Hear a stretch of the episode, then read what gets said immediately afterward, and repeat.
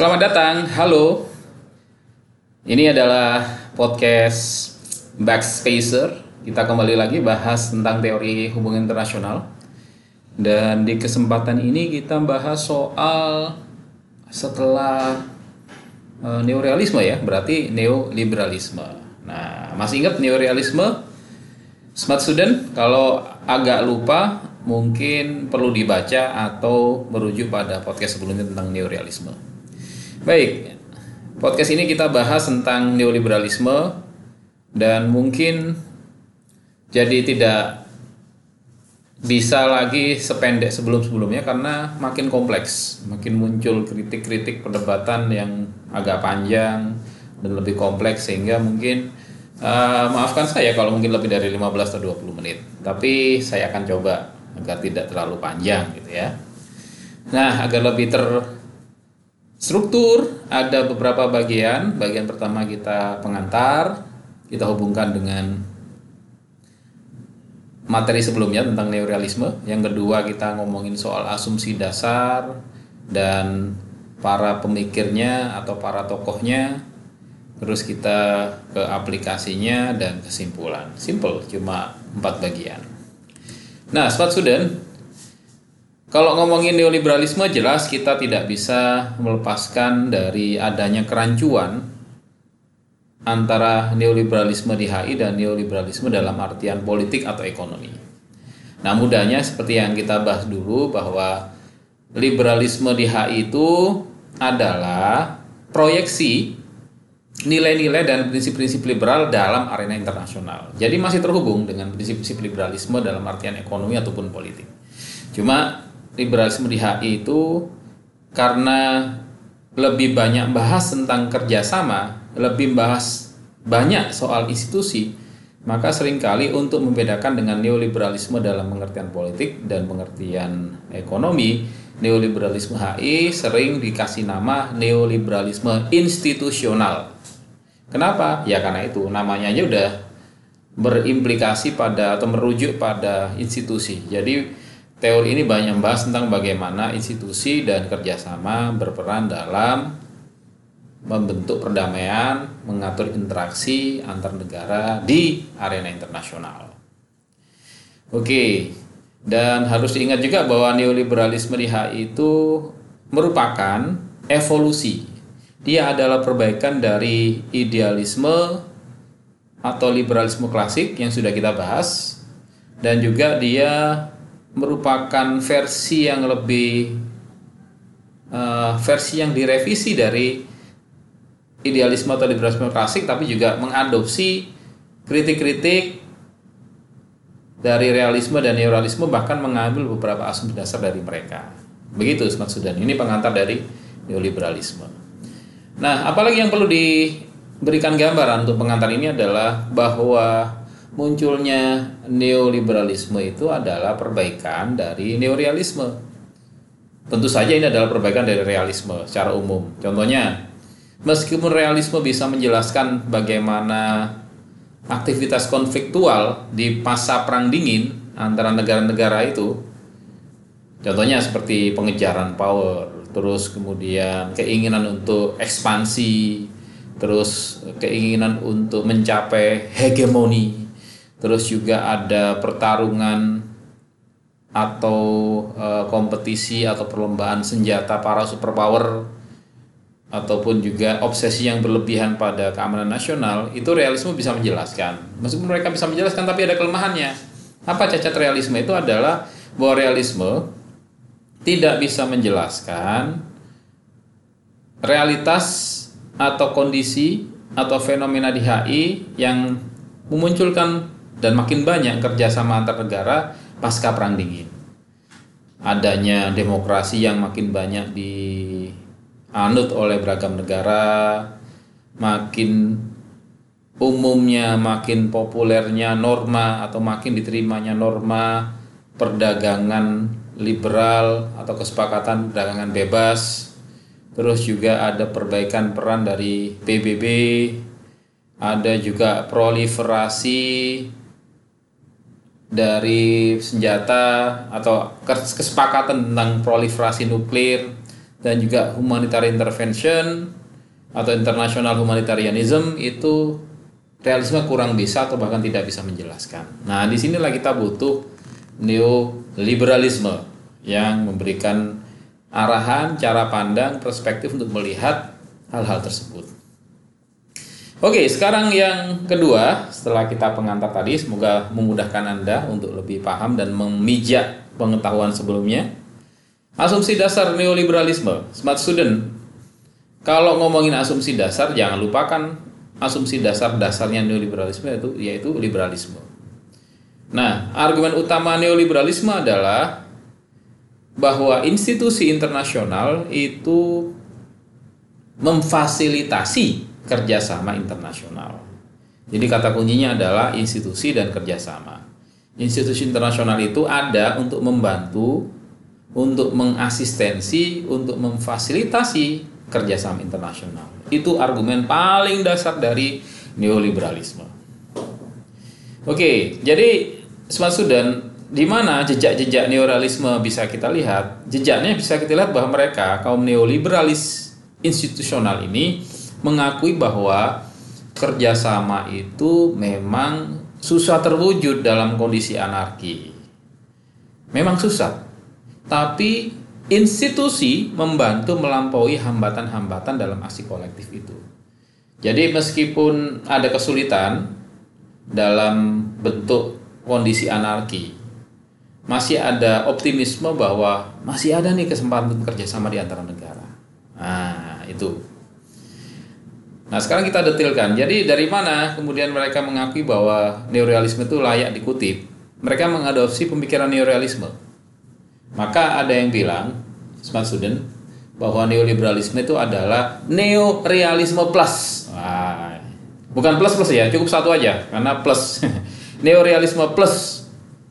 Bahkan si Robert Kiyosaki itu bilang dia uh, neoliberalis gagasan dia itu karena juga mengadopsi anarki itu dia mengatakan bisa dikatakan bahwa ini adalah varian dari neorealisme.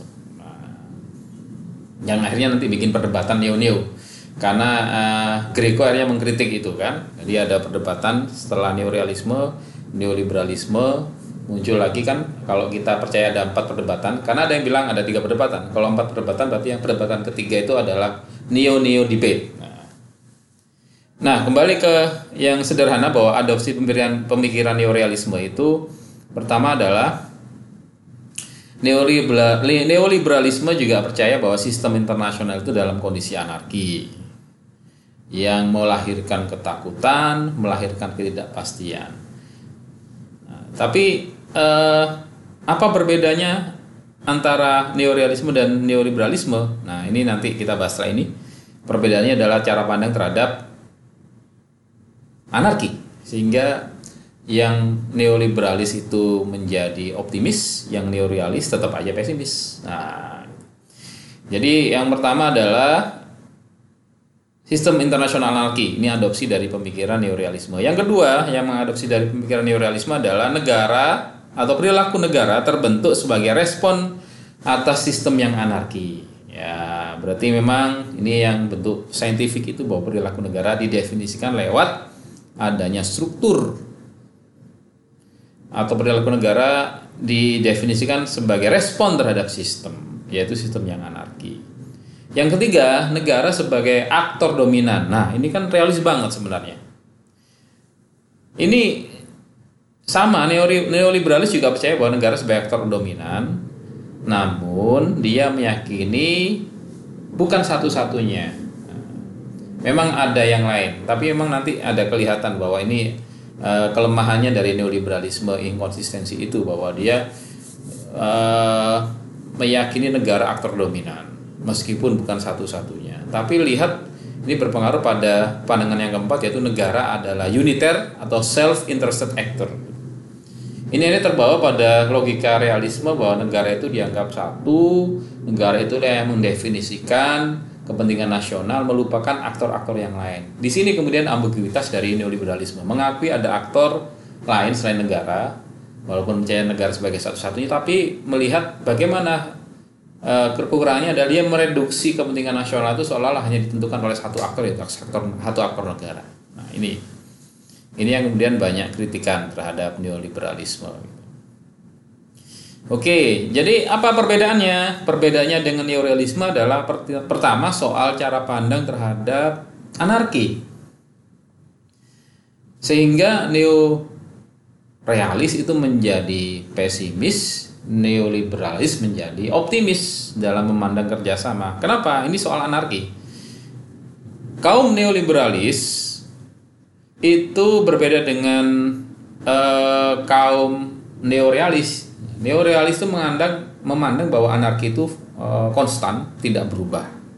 Ya kondisinya akhirnya negara akan berperang, berlomba menjadi hegemon. Tapi neoliberalis tidak memandang demikian, dia memandang bahwa anarki itu adalah vakum.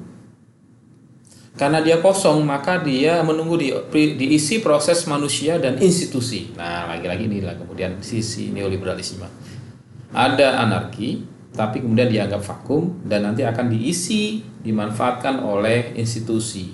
Ya, sehingga kondisi anarki kemudian dinetralkan dijinakkan dengan kerjasama. Nah ini. Sehingga saya bilang tadi bahwa dalam memandang anarki yang berbeda ini membuat keduanya berbeda dalam memandang kerjasama. Kalau neorealis itu memandang kerjasama pesimis susah karena anarki nggak mungkin negara itu akan bekerja sama. Karena saling mengkhianati. Semuanya memaksimalkan kepentingannya masing-masing. Kalau neoliberalis masih optimis ada kerjasama. Lewat institusi. Berbeda lagi adalah soal rasionalitas. Yang kedua yang ketiga adalah perbedaannya di soal institusi. Jadi kalau disimpulkan asumsi dasar neoliberalisme adalah bahwa dia juga bisa melihat uh, fokus analisisnya. Kita bisa melihat fokus analisis fokus analisis dari neoliberalisme itu adalah bagaimana institusi melakukan kerjasama dan bagaimana institusi itu didesain ulang untuk secara efektif mencapai hasil-hasil yang diinginkan dari kerjasama. Itu. Oke, Smart Sudan kita bergerak lebih detail tentang kerjasama. Ya tadi kan saya bilang bahwa neo neo neo liberalis itu optimis terhadap uh, kerjasama, ya karena uh, meskipun dunia itu anarkis, kerjasama sulit, tapi bukan berarti tertutup kemungkinannya, masih ada mungkin, masih ada kemungkinan bahwa kerjasama hadir di dalam saling sengkarut kepentingan. Nah, gitu. Kenapa bagi neoliberal ini percaya bahwa kerjasama merupakan cara untuk mengatasi anarki. Dan kerjasama itu lahir karena kita kerap berinteraksi, sering berinteraksi terus menerus satu sama lain, sehingga sadar bahwa akhirnya ya kalau kita nggak kerjasama kita akan nggak enak nih, kondisinya saling curiga, saling mengkhianati, saling mengingkari kesepakatan bersama. Maka ini akan mencapai titik equilibrium bahwa akhirnya semua negara akan punya uh, keinginan untuk bekerja sama dalam mencapai kepentingan bersama. Nah, ada sudut pandang lain bahwa kerjasama itu sebenarnya tidak sama dengan harmoni. Harmoni itu lahir sebagai proses alamiah, natural. Ini yang dinyatakan oleh si Robert Kiyosaki dalam bukunya After Hegemony itu tahun 1984 dia menyatakan bahwa cooperation as compared to harmony requires active attempts to adjust policies to meet the demand of others. Jadi, sebagaimana cinta, kerjasama harus diperjuangkan dan diupayakan. Nah, karena apa? Karena kerjasama adalah bentuk saling menyesuaikan kepentingan. Nah, kalau dua orang yang sedang jatuh cinta aja, kepentingannya harus disesuaikan karena beda orang, beda keinginan, beda kepala. Apalagi negara yang urusannya bejibun. Nah, itu. Berikutnya soal rasionalitas, bahwa perbedaan neorealisme dan neoliberalisme adalah soal bahwa negara punya rasionalitas. Si neoliberalis pada akhirnya juga tertarik pada argumen neorealis yang menyatakan negara itu adalah rasional. Jadi dia tuh mengintrodusir, memperkenalkan logika-logika ekonomi. Ini yang uh, menjadi tambahan dari neoliberalisme. Negara adalah aktor yang rasional yang bisa menghitung untung dan rugi. Jadi tidak lagi naif, tidak lagi idealis, uh, semuanya akan bekerja sama dengan kebaikan. Enggak, neo neoliberalis makin memperbaiki diri bahwa negara itu ya rasional. Kalau bekerja sama akan untung untungnya apa bagi saya? Saya menandatangani uh, NPT non proliferation treaty itu apa, ruginya apa, mulai dihitung. Nah, perbedaan mendasar dari neo realis dan neoliberalis itu adalah soal dalam memandang gain. Kalau neoliberalis itu optimis akan tercapai yang namanya absolute gain. Tiap negara dapat semuanya, dapat banyak semuanya. Kalau neorealis, pesimis, nggak ada yang namanya semua dapat itu. Pasti ada yang diuntungkan, ada yang nggak dapat bahkan sama sekali. Ini yang namanya sebagai relative gain. Jadi kalau neoliberalis absolute gain semuanya dapat, semuanya senang. Kalau neorealis itu percaya pada relative gain, nggak semuanya dapat, akan ada yang diuntungkan. Kemudian institusi sekarang kita bahas. Institusi itu definisinya adalah persistent or connected sets of rules, formal and informal, that prescribe behavior, behavioral rules, constrain activity, and shape expectation. Ini kata Robert Kiyosaki. Jadi institusi itu adalah seperangkat aturan yang terkoneksi dan terus-menerus dihadirkan baik secara formal maupun informal yang bisa mengatur, bisa memberi pola pada uh, peran perilaku suatu negara, membatasi aktivitasnya dan menawarkan ekspektasi-ekspektasi, membentuk ekspektasi-ekspektasi negaranya. Dalam pandangan neoliberal, keberadaan institusi penting untuk apa? Untuk menunjukkan kesamaan kepentingan di antara negara-negara anggotanya. Nah, institusi itu ada beragam bentuknya smart student. Nah, kenapa institusi penting? Karena institusi itu bisa membantu negara menemukan preferensinya. Lewat apa? Lewat yang namanya uh, bergaining dan negosiasi. Nah, kalau ketemu di forum, oh negara ini maunya apa, saya sukanya apa? Dalam NPT ini lebih suka dibatasi atau kemudian dibiarkan dalam uh, konvensi soal uh, penangkapan ikan harusnya bagaimana. Tiap orang kan melihat tiap negara kan tahu negara yang lainnya dalam arena itu. Jadi menemukan referensinya ini satu yang kedua institusi penting karena dia memberikan informasi. Informasi misalkan dia memastikan negara itu tahu tidak akan dihianati. Karena dia kadang-kadang nanti bikin ranking nih ini negara yang suka melanggar ini negara yang tidak taat aturan. Akhirnya ada informasi yang melengkapi sehingga dibuat percaya bahwa negara itu walaupun ada kemungkinan dihianati dikurangi. Ini provide information yang kedua yang ketiga yang pertama dari institusi membantu negara menemukan referensinya kedua memberikan informasi fungsi ketiga institusi adalah mengurangi biaya transaksi atau ongkos transaksi ya gitu. Karena ketemu nggak perlu terlalu banyak ke negara-negara. Kalau bilateral kan berarti ketemu banyak negara sendiri-sendiri. Kalau di multilateral langsung ketemu satu tempat dapat banyak. Lebih hemat. Yang keempat membuat komitmen lebih kredibel nah ini karena banyak orang terus ada enforcementnya itu lebih kredibel yang kelima Establish focal point for coordination. Nah, ini membantu koordinasi dan yang terakhir adalah memfasilitasi uh, operasi untuk kesalingan, saling menaati, saling ngecek satu sama lain. Nah, ini institusi. Nah, sekarang smart student institusi itu kan benda abstrak nih. Gimana dia menjadi bentuk yang konkret, yang ejawanta. Bentuk institusi itu bisa menjadi tiga. Ada dalam bentuk konvensi, ada dalam bentuk rejim, ada dalam bentuk formal international organization. Ya, jadi bentuk institusi tiga nih, konvensi, rezim, dan organisasi internasional yang formal. Oke, sekarang ke tokoh-tokoh. Apa? Apa ini? Yaitu udah para pemikir neoliberalisme yang namanya itu layak dikutip, yang buku-bukunya layak dibaca dan dirujuk. Siapa saja mereka aja? Ada ada Joseph Nye, ada Robert Kiyosaki, ada Lisa Martin, ada Robert Axelrod, ada Oran Yang, ada Kenneth Oy.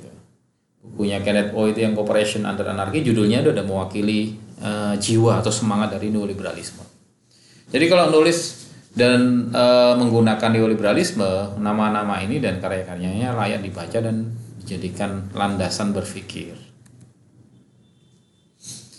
Oke, sekarang kita aplikasi ya. Nah, tadi dari sudut pandang soal asumsi dasar memandang dunianya, kita melihat bahwa neoliberalisme menawarkan cara pandang yang berbeda soal anarki. Jelas tadi ya. Sehingga saya ulang lagi bahwa neorealis itu menjadi pesimis, neoliberalis menjadi optimis. Kenapa neorealis memandang anarki itu konstan nggak berubah ya gitu-gitu aja sehingga negara akan bertarung memperebutkan kepentingan maximizing power rebutan senjata dan e, meningkatkan persenjataan. Sementara neoliberalisme karena memandang lebih pesimis eh maaf karena neoliberalisme memandang lebih optimis dia memandang anarki itu vakum, maka dia siap diisi dengan institusi. Inilah kemudian meskipun ada kondisi anarki, kaum neoliberalis percaya bahwa itu di, bisa dikurangi, bisa dikurangi dampak burungnya, dampak buruknya, ya. bukan dampak burungnya loh ya. Siap diisi dengan kerjasama dan institusi, meskipun anarki. Oke, cara pandang ke anarki ini mempengaruhi cara pandang ke lainnya. Apa itu? Ke sejarah perkembangan negara ala Westphalia. Jadi ada negara-negara modern kan mengikutnya kayak negara Westphalia yang mengadakan negara itu solid, terus punya kedaulatan, dan inilah yang menjadi perbedaan. Sudut pandang yang berbeda antara neoliberalisme dan neorealisme menjadikan mereka berbeda dalam memandang sejarah perkembangan. Kaum neoliberalis itu melihat bahwa ada dua historical development yang membantu kenapa neoliberalisme itu cari sudut pandangnya jadi relevan dibanding neorealisme. Apa itu? Bahwa kalau struktur itu akhirnya membantu negara berperilaku untuk mencari hegemoni perang, beda dengan neoliberalisme bukti pasca Perang Dunia II itu menjadikan negara itu ternyata tidak selalu dalam kondisi konflik. Nah, ini buktinya adalah bahwa setelah Perang Dunia, ya kita kembali bahwa Perang Dunia II itu kan Amerika berinisiatif untuk terlibat, akhirnya menggagalkan inisiatif damai lewat Liga Bangsa-Bangsa. Nah setelah Perang Dunia Kedua selesai, yang terjadi adalah menarik nih, karena ternyata Amerika Serikat beserta dengan Inggris itu ber, berencana membangun dunia yang lebih damai dengan cara apa? Membangun Holy Trinity itu, membangun uh, Bank Dunia, IBRD, membangun IMF, membangun WTO, karena mereka meyakini bahwa ya masih mungkin menjaga perdamaian lewat institusi. Nah, ini yang kenapa kemudian neoliberalisme menemukan relevansinya. Ada interdependensi bahwa negara itu hanya bekerja sama juga, nah, saling tergantung satu sama lain. Nah ini yang cerita soal tadi itu bahwa Amerika Serikat setelah Perang Dunia II itu ingin menjadi hegemon itu melahirkan teori yang namanya hegemonic stability. Bahwa untuk menopang ide soal liberalisasi perdagangan itu menciptakan perdamaian perlu hegemon negara hegemon yang bisa merawat sistem, yang bisa menopang dan mengelola sistem tetap berjalan dan harus ada negara besar. Di situlah Amerika Serikat masuk mengambil peran. Maka kita lihat dalam organisasi internasional peran Amerika Serikat itu besar gitu. Di PBB, di WTO, di Bank Dunia dan sebagainya. Gitu. Karena ini fungsi dari merawat sistem dari teori hegemonic stability. Nah, makanya benar juga tuh bahwa ada seorang penulis yang namanya Clive Archer nulis soal international organization kan dia mendefinisikan ada tiga peran dari organisasi internasional yaitu sebagai aktor sebagai arena dan sebagai instrumen. Nah ini ini penting. Karena ya kita lihat bahwa dalam dalam perwujudannya untuk me, perwujudannya untuk mewujud uh, perwujudannya untuk mencapai perdamaian dunia itu organisasi internasional juga berperan. Dia bisa sebagai aktor. Dia menjadi tempat untuk negara bergaining menemukan preferensinya mencari titik equilibrium untuk mencari shared interest dan juga menjadi instrumen nah di antara kendala jelas ada gitu kan kendalanya misalkan loh kan tadi udah dibilang bahwa Bank Dunia itu didominasi oleh Amerika Serikat. Ada prinsip one dollar one vote bahwa negara yang banyak nyumbang banyak menguasai pengambilan keputusan. Iya benar. Kaum neoliberalis sadar, kaum neoliberalis juga paham bahwa ada ada kekurangan-kekurangan itu. Bahwa memang organisasi internasional itu adalah proyeksi dari negara-negara kan? Organisasi internasional itu adalah agregasi dari kepentingan-kepentingan negara. Maka mereka meyakini memang ada hambatan kerjasama internasional itu. Isu-isu yang muncul adalah pertama soal bergaining. Yang kedua adalah soal cacat atau defection dalam organisasi internasional yang ketiga adalah soal otonomi ya mereka sudah paham kok bahwa memang akan ada penguasaan negara besar bahkan ada dominasi negara dalam uh, satu institusi iya gitu. Tapi bukan berarti harus dihilangkan. Yang kita perlukan adalah memperbaiki mekanismenya. Nah, lewat bargaining misalkan. Memang ada negara besar yang menguasai forum dari pengambilan putusan suatu organisasi internasional di WTO. Tapi di situ lagi harus melakukan bargaining, harus sama-sama mengingatkan ketika WTO dimanfaatkan Amerika Serikat untuk menjustifikasi eh, bagaimana dia memproteksi perdagangannya ya harus dilawan dengan negara-negara yang lainnya. Ada proses bergaining. Ada multilateralisme. Makanya yang menjadi hambatan bagi organisasi internasional adalah perjanjian bilateral ya kalau ada multilateralisme terus negara bikin kesepakatan lain lewat bilateralisme ini kadang-kadang agak agak mandul kesepakatan bersama ini karena kalau dua negara itu kan kadang lebih detail terus mintanya lebih uh, ada kepercayaan yang lebih tinggi gitu. Ini hambatan adalah bisa diperbaiki dengan bargaining. Nah, isu yang kedua adalah soal cacat. Ya memang bahwa negara itu bisa mempenetrasi, bisa mengintervensi organisasi internasional. Tapi cacat-cacat itu bisa diperbaiki. Contohnya lewat tiga hal, yaitu pertama adalah lewat compliance, lewat enforcement, yang kedua, yang ketiga adalah lewat mekanisme resolusi sengketa. Jadi compliance itu adalah bagaimana organisasi internasional bisa uh, mendorong, encourage negara untuk mematuhi kesepakatan bersama. Kalau enforcement itu bagaimana organisasi internasional bisa memaksa lewat sanksi, menegakkan peraturan lewat sanksi agar negara mematuhi kesepakatan bersama. Nah, yang ketiga cacat itu bisa diperbaiki lewat mekanisme resolusi sengketa dimediasi dengan pihak ketiga agar jangan sampai satu negara satu institusi menjadi tempat bermain dari satu negara besar saja gitu. harus diingatkan nah ini butuh dia pihak ketiga misalkan dalam kasus soal pelarangan tembakau berasa Indonesia pernah kan ya ini mengalami eh, Amerika dengan alasan kesehatan memproteksi masuknya rokok yang rasa-rasa karena bagi orang Amerika itu rokok itu ya yang sehat dibangun narasi bahwa yang sehat itu adalah mild rokok putih itu. Sementara rokok kretek kayak dari Indonesia yang dicampuri saus, dicampuri uh, perasa rasa itu sehingga asapnya banyak itu kayak rokok kretek itu tidak sehat.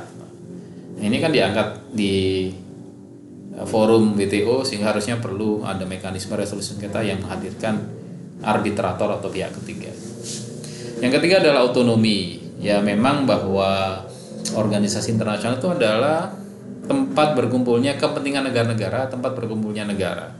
Jadi ada kekhawatiran bahwa organisasi internasional itu akan bisa disetir oleh negara Nah, tapi harus diperbaiki juga bahwa memang ada delegasi negara di organisasi internasional, tapi harus dibiarkan bahwa organisasi internasional itu punya otonomi untuk memutuskan the for greater good untuk kebaikan bersama. Itu ya. Nah, sekarang yang terakhir kesimpulan, biar nggak terlalu panjang. Apa kesimpulannya? Ini sekedar refresh, recalling, Pertama adalah bahwa neoliberalisme di HI itu karena khusus membahas soal kerjasama dan institusi dilabeli sebagai neoliberalisme institusional. Yang kedua, smart student. Uh, neoliberalisme di HI ini punya fokus pada kerjasama internasional dan institusi.